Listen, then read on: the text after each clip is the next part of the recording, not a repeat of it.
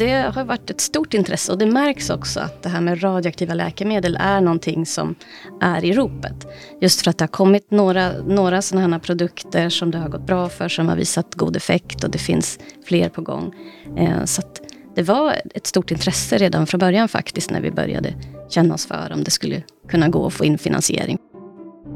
Målsökande radioaktiva läkemedel är ett effektivt sätt att komma åt spridd cancersjukdom och behandlingen kan skräddarsys för varje patient.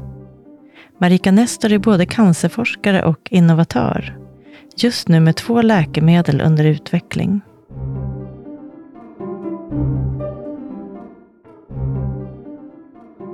Jag heter Marika Nestor och jag är professor i biomedicinsk strålningsvetenskap vid Uppsala universitet. Och du forskar om radioaktiva cancermålsökande läkemedel. Mm, det stämmer. Det låter ju väldigt spännande, men vi kanske ska börja med att berätta hur, hur, här, hur de här läkemedlen fungerar. Ja, det blir ju alltså en slags målsökande strålterapi, så att man använder sig av cancermålsökande läkemedel från början. Det kan vara en antikropp eller någonting som binder till en struktur på cancercellen, men inte på normala celler. Och då sätter man på radioaktivt ämne på en sån cancermålsökande molekyl, som en liten strålkälla helt enkelt, som då transporteras till cancercellerna i kroppen. Och då kommer ju radioaktiviteten att ansamlas där och sitta och stråla, bestråla eh, cancercellerna. Så att det blir som en slags lokal invärtes strålterapi, där cancercellerna är i kroppen. Ja, för vanlig strålterapi har man ju hört talas mycket om, men det här är alltså en sorts eh, strålterapi på, på insidan av kroppen? Ja, precis, och en slags målsökande strålterapi då. Mm. Men det här med radioaktivitet, det, det låter ju lite farligt, kan ja. man tycka. är, är det egentligen bra att få in radioaktivitet i kroppen? Ja, och det, det, är ju en fråga jag ofta får, för just de flesta associerar ju radioaktivitet med, med fara och så vidare. Eh, men det finns styrkor och svagheter, så om man vet hur man ska använda radioaktivitet och radionuklider, då har man ju väldigt bra verktygslåda att jobba med. Och strålning, ja, det är ju farligt, men det är därför man vill bestråla cancercellerna, för att döda dem. Eh, och då är det ju viktigt att man får till det här ratiot mellan cancerceller och normala celler i kroppen, så att det är bara cancercellerna som bestrålas. Just det, så att det inte är de friska cellerna ja, som bestrålas. Och det är det som är så bra när man använder de här radionukliderna. Den här terapeutiska strålningen som de kan avge, den har en väldigt kort räckvidd. Max någon millimeter eller så. Mm. Så att mm. därför så kommer den att bestråla liksom cancercellerna, men inte nå så långt ut i, i normal vävnad. Mm. Den här, och den här typen av, av behandling, den är vad jag förstår ofta skräddarsydd. Ja. Eh, varför är det så att eh, olika människor svarar olika på cancerbehandling? Ja, där är det ju det här att, att, cancer är inte en sjukdom, utan det är ju en mängd olika sjukdomar som har sitt ursprung i olika typer av celler som har olika svagheter som man kan slå mot. Så att man måste gå mer och mer nu mot en individanpassad cancerbehandling, där man verkligen tittar på vad har just den här patienten för cancerceller? Vad har de för svagheter? Vad finns det för måltavlor på just de här cancercellerna man kan slå mot? Så att därför måste det bli så också att man får ha en verktygslåda av skräddarsydda läkemedel som man då kan sätta in till just den här patienten. Mm, och gäller det all, eh, all cancerbehandling, att, att det behöver vara skräddarsydd? Eh? Ja, i princip. Alltså inte för sådana här stora behandlingar som kirurgi och extern strålterapi, där du, du har liksom en stor tumör, du vet vad den är och du kan liksom rikta in dig på den. Men det, när det gäller att komma åt just spridd sjukdom, när du har dottertumörer och spridda cancerceller i kroppen, då måste du ha den här mera systemiska behandlingen, där du har ett cancermålsökande läkemedel. Det, det blir mer effektivt. Och då behöver man lära känna, eller då behöver man ha väldigt mycket kunskap då om ja, precis. hur tumören ser ut. Ja, och, exakt. Ja. Mm.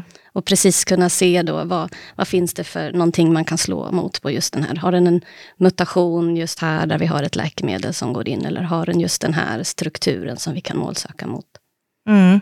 Och vad, vad, är fördelarna just med, med, med radioaktiva eh, cancermålsökande läkemedel om man jämför med annan cancerbehandling? Vad, vad, är det som är fördelen? Det finns många fördelar och det beror lite på vad man jämför med. Om man ska jämföra med extern strålterapi, då är det fantastiskt om du vet var tumören är och kan rikta in dig på den utan att, att eh, några norm känsliga normalorgan kommer i vägen. Eh, med molekylär strålterapi, de här läkemedlen, det är väldigt bra om du har en spridd sjukdom. Så det kan komma in som ett mycket bra komplement då. Att nå de här eh, metastaserna i kroppen som du kanske inte kan nå, eller som du inte ens visste att de fanns från början. Mm. Eh, och om du jämför med cytostatika, som är ett sätt att försöka komma åt också spridd sjukdom, då har ju den, den slår ju mot alla celler som delar sig oftast. Och då har du ju mycket värre eh, sido, sidoeffekter, biverkningar. Så att det här blir ju ett sätt eh, att, att verkligen specifikt komma åt spridd sjukdom med, med lägre biverkningar. Och just när du använder radioaktivitet så kan du också ofta använda dig av att de här radionukliderna också skickar ut en typ av strålning som du kan detektera utanför kroppen. Mm. Och det mhm. gör att du kan Eh, lägga patienten i en kamera och se var läkemedlet är någonstans, vart radioaktiviteten är. Så det gör att du kan ju se direkt, ansamlas läkemedlet i tumörerna som det ska? Hamnar det någonting i normalvävnad? Man kan beräkna dosimetri och se då, är det något, eh, är det något normal, något, är det njurarna, får de för mycket dos nu eller kan vi ge en behandling till? Och du kan också följa behandlingssvaret under tiden då, för att du kan alltid så att säga, visualisera och mäta och kvantifiera vart radioaktiviteten finns någonstans. Så det blir liksom inte en blind behandling som det kan bli med en del mm. andra metoder. Mm. Och vad, vad, finns det för problem då med, med den här typen av behandling? Det svåraste är ju just att hitta det här ratiot så att du får en tillräckligt hög dos i cancertumören och inte utsätter normalvävnad för, för någon strålning eller för så, så låg strålning som möjligt. Mm. Eh, och det är ju det som är att hitta ett sånt antigen, en, en, eller ett protein eller struktur på cancercellen som då finns i hög grad och så ska det finnas i låg grad i normalvävnad. Eh, och då, då, kommer man ju inte hitta ett som gäller för alla cancerceller, utan du kommer ju hitta ett som finns i någon viss subtyp, någon viss eh, del av, av cancersjukdom. Eh, och så att det är ju just där att hitta och få till mm. det här ratiot. Och också i och med att man injicerar de här cancerläkemedlen i blodet, så är det ju meningen att de ska ju cirkulera i blodet och sen hitta cancercellerna och binda till dem. Så under tiden de cirkulerar i blodet, då kan man också utsätta benmärgen för viss strålning. Så det kommer också vara en dosbegränsning när de, när de, innan de har hittat till sin cancer och sitter där och strålar. Så det, det svårigheten är just att få till den här stora skillnaden, att du får tillräckligt mycket strålning i tumören så att du verkligen slår ut den mm. innan du slår i taket för, för, för normal vävnad och, och benmärg och så vidare. Så det krävs väldigt mycket beräkningar då? Är det så att det är mycket eh, matte och fysik i det här? Eller? Vad, som, ja, vad som behövs, det är ju, och det är ju verkligen en, en viktig del i radioaktiva läkemedel, det är just dosimetri.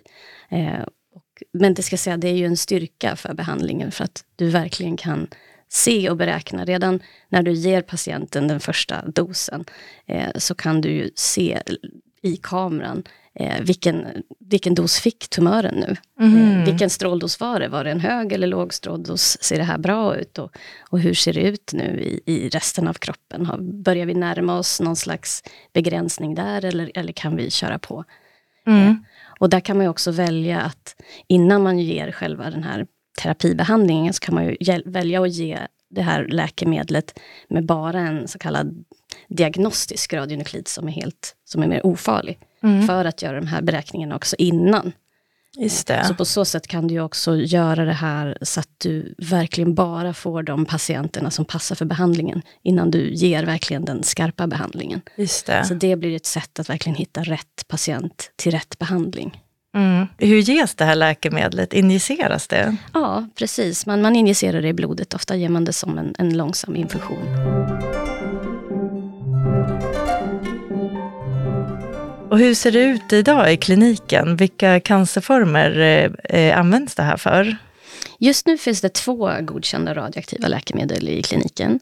Det ena är för neuroendokrin cancer eh, och det andra är för prostatacancer. Eh, och de passar ganska bra för just den här typen av behandling, för där är det ofta att det är just spridd sjukdom. Och det är vid de fallen man ger de radioaktiva läkemedlen för att komma åt de här metastaserna som kan vara svåra att komma åt på något annat sätt. Mm, så är det just den typen av cancer som de här läkemedlen passar bäst för? Ja, jag skulle säga det. Att det just att du, du kommer åt även cancerceller som du kanske inte visste fanns och mindre metastaser. Men om du har en stor primärtumör någonstans och kan ta bort den med kirurgi eller extern strålterapi, då är ju det bäst. Men sen kan man komma in med den här typen av läkemedel för att just slå ut om det finns spridd sjukdom också. Mm, så det blir som en, ett komplement till ja. kirurgi ja. och annan ja, cancerbehandling? Mm. Och din forskargrupp jobbar med, just nu med två olika läkemedel mot cancer. Eh, vad, vilka är det? Ja, vi har två olika projekt på gång. Det som är i uppstartsfas just nu, då försöker vi ta fram ett radioaktivt läkemedel mot neuroblastom, som är en vanlig cancersjukdom i barn. Eh, och där är det just att för de patienterna eh, som det går dåligt för, då är det just att det har funnits spridda cancerceller som man kanske inte ens kunde detektera från början. Och när de väl kommer fram sen så är det, är det för sent. Eh, så där skulle det passa väldigt bra att, att kunna ha ett komplement och kunna ge då för att slå ut de här cellerna innan de ens kan eh, sätta igång. Så där har vi ett projekt på SciLife Lab där vi då har tagit fram ett 30-tal olika kandidater som vi har eh, syntetiserat och testat på celler och sett eh, vilka som binder bäst och så vidare. Så det är fullt, fullt pågående just nu. Mm. Sen så har vi ett eh, annat projekt som har kommit lite längre. Det är mot eh, sköldkörtelcancer och skivepitelcancer. Eh, och där har vi också jobbat med Silaf Lab då. Och där har vi tagit fram en antikropp som binder till ett antigen som heter CD44V6, som finns mycket på den här typen av, just den här typen av cancerceller. Eh, och där har vi kommit så långt att vi just nu då, vi har tagit fram vår toppkandidat eh, och vi har tillverkat den på det här kvalitetsmässiga sättet så att man får ge den till patienter. Så vi håller på nu och skriver den här ansökan för klinisk prövning och så hoppas vi kunna behandla de första patienterna efter sommaren då i en första mm. klinisk prövning. Mm. Och hur lång tid tar det sen då, efter den första kliniska prövningen? Är det fler steg som ja, man ska igenom sen? Ja, precis. Eh, så det har ju varit också en spännande del för mig som i, till största delen är ju en preklinisk och translationell forskare, att, att få ge mig in i det här spåret nu. Naturligtvis med väldigt duktiga kollegor som, som kan kliniken. Eh, så att det här är ju ett första steg, liksom en fas 1-studie. Och sen om det ser bra ut så kommer man gå vidare och göra större studier. Eh, för att så småningom kunna få godkännande. Mm. Och det tar ju flera år. Mm. Ja men vad spännande. Så att ni har, ni har ett som har kommit längre och sen ja. ett, ett där ni fortfarande då letar efter det här. Precis, precis. Mm. Mm. Och hur går det till när man letar? Då får man testa en massa ja, olika? Det, första det bästa är ju om man från början har, har identifierat ett, ett antigen eller en måltavla som man vet att okej, okay, det här verkar vara väldigt lovande för den här konstformen, det verkar finnas. Eh, och när man väl har det så får man besluta sig för vilken typ av molekyl man tror skulle passa för att, för att binda till det här. Mm. Eh, och vad vi gör på SciLife Lab då, då är det att man eh, antingen i rena projektet med antikroppar, då, gör man, då, försöker, då försöker man fiska upp antikroppar som binder till det här antigenet genom en, de, då finns det ett stort antikroppsbibliotek där man stoppar ner sitt antigen och ser vilka antikroppar som fastnar till det i princip. Så mm. tittar man på hur de ser ut och så kan man titta på vad som kanske är gemensamt för dem. Och så utifrån det så försöker man designa den bästa antikroppen och så testar man den på ett gäng olika cancerceller och olika modeller och ser vilken som är bäst och så försöker man förbättra den på olika sätt. Mm. Eh, och i det andra projektet, då har vi utgått från eh, den kristallstrukturen som finns av den här måltavlan. Och sen så har man i datorn då designat en molekyl utifrån det som borde kunna binda. Och sen så har man tillverkat den och testat om det funkar. Så då har man gått från ett lite annat håll. Just det, så man, man bygger upp något själv utifrån ja, hur precis. det ser ut i kroppen. Ja, precis. Mm. mm. Och då är ni en grupp som jobbar tillsammans? Ja, absolut. Det skulle inte gå att göra själv. Nej. Utan, ja.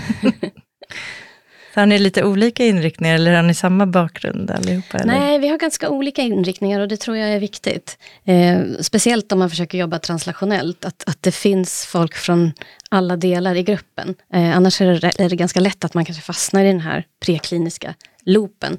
Att man, man gör fina försök, eh, prekliniskt, testar i celler och kanske en djurmodell och så publicerar man det och sen går man tillbaka och gör, gör något nytt så att säga och så testar man det.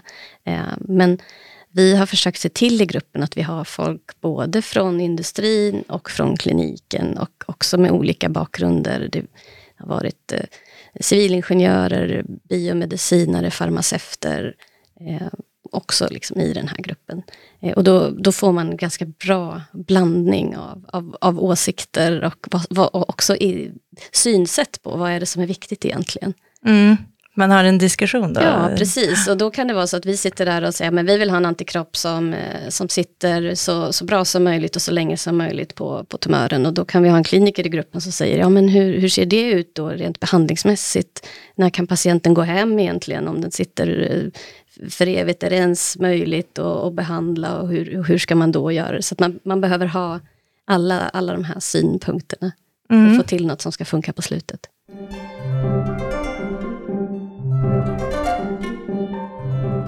Du är ju förutom forskare också innovatör.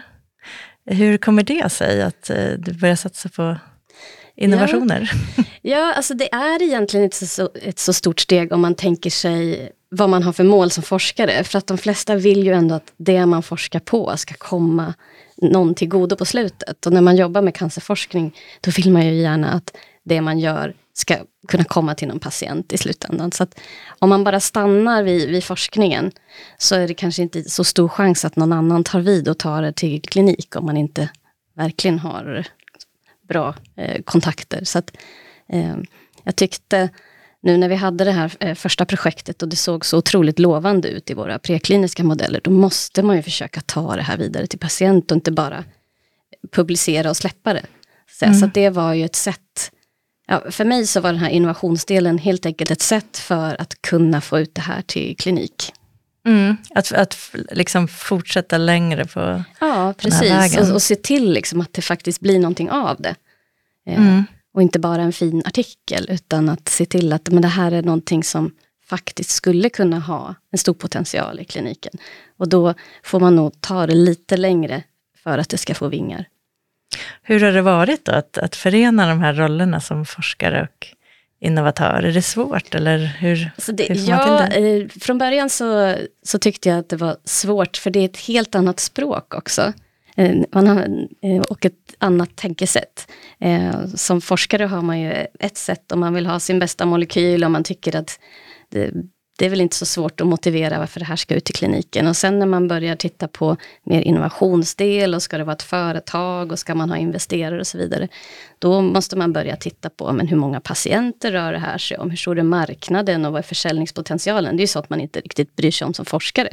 Tänker att kan det rädda en patient så är det väl värt det. Eh, men har du investerare så vill de ju titta lite mer på siffror och och prata exit-strategi och så här. Och det var helt, helt, helt andra ord som jag inte ens eh, var, var, bekant med när jag började. Så man får lära sig en hel del nytt? Det får man, precis. Men då hade vi också teamet, så har vi haft med folk som också kan det här och som haft industribakgrund och, och liksom kan det här, hur man, hur man ska prata med investerare och så vidare. Så det har varit bra, jag har hela tiden haft med mig folk som kan de här delarna, så jag har inte varit ensam.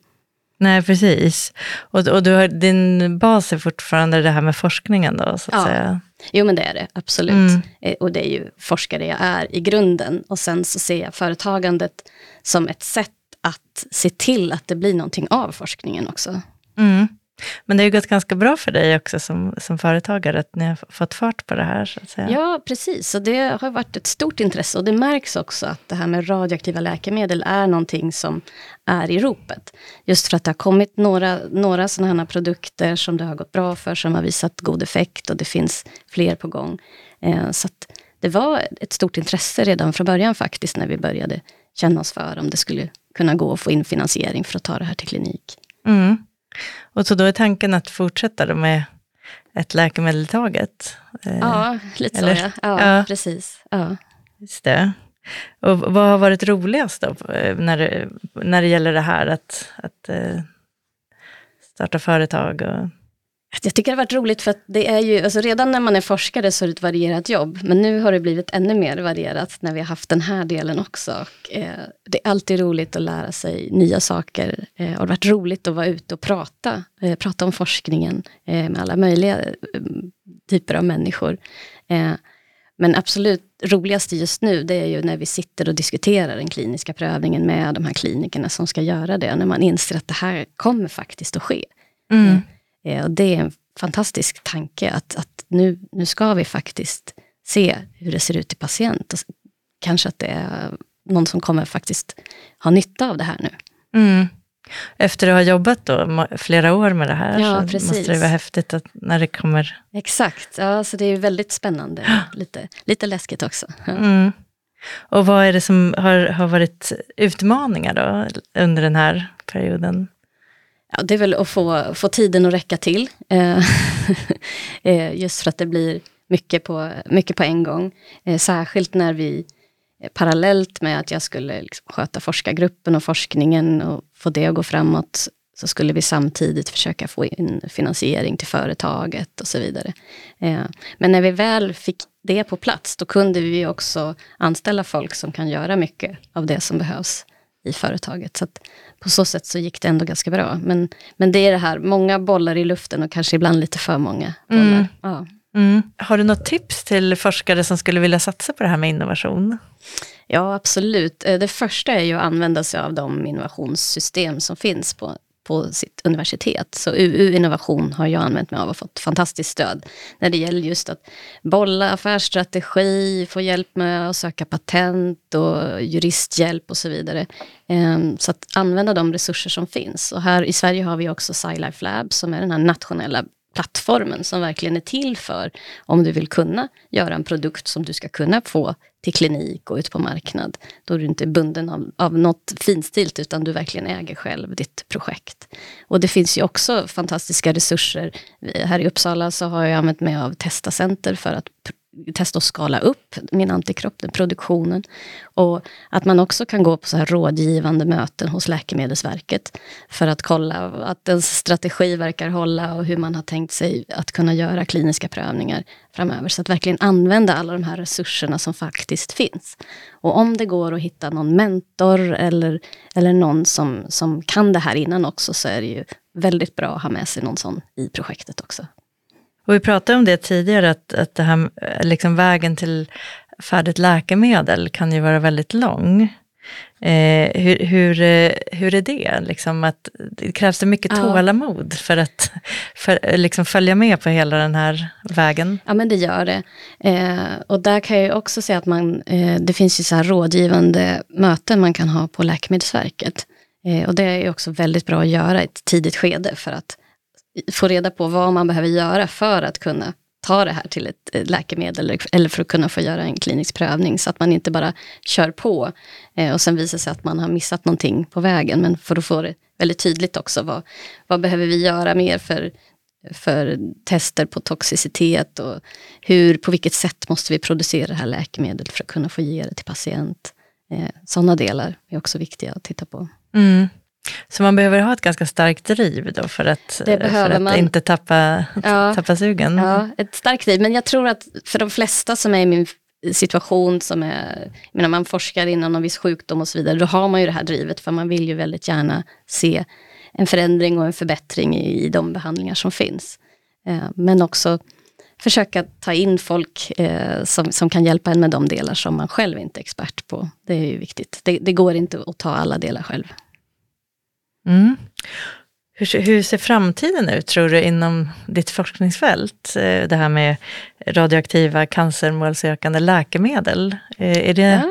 Du sa att det, det är stort intresse idag. Det är det. Mm. Eh, och eh, jag, jag tror ju på en strålande framtid naturligtvis.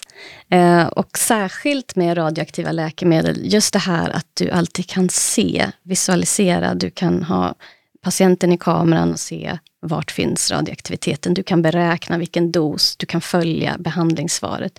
Och du kan också använda det här innan för att verkligen få in rätt patient till behandling. Så att det här, sådana här målsökande läkemedel, de är ju oftast ganska dyra, så att du vill ju inte behandla någon i onödan och heller inte att någon ska få genomgå en behandling som inte hade effekt. Eh, så att just där, så, så det ligger ju väldigt rätt i tiden med individualiserad cancerbehandling.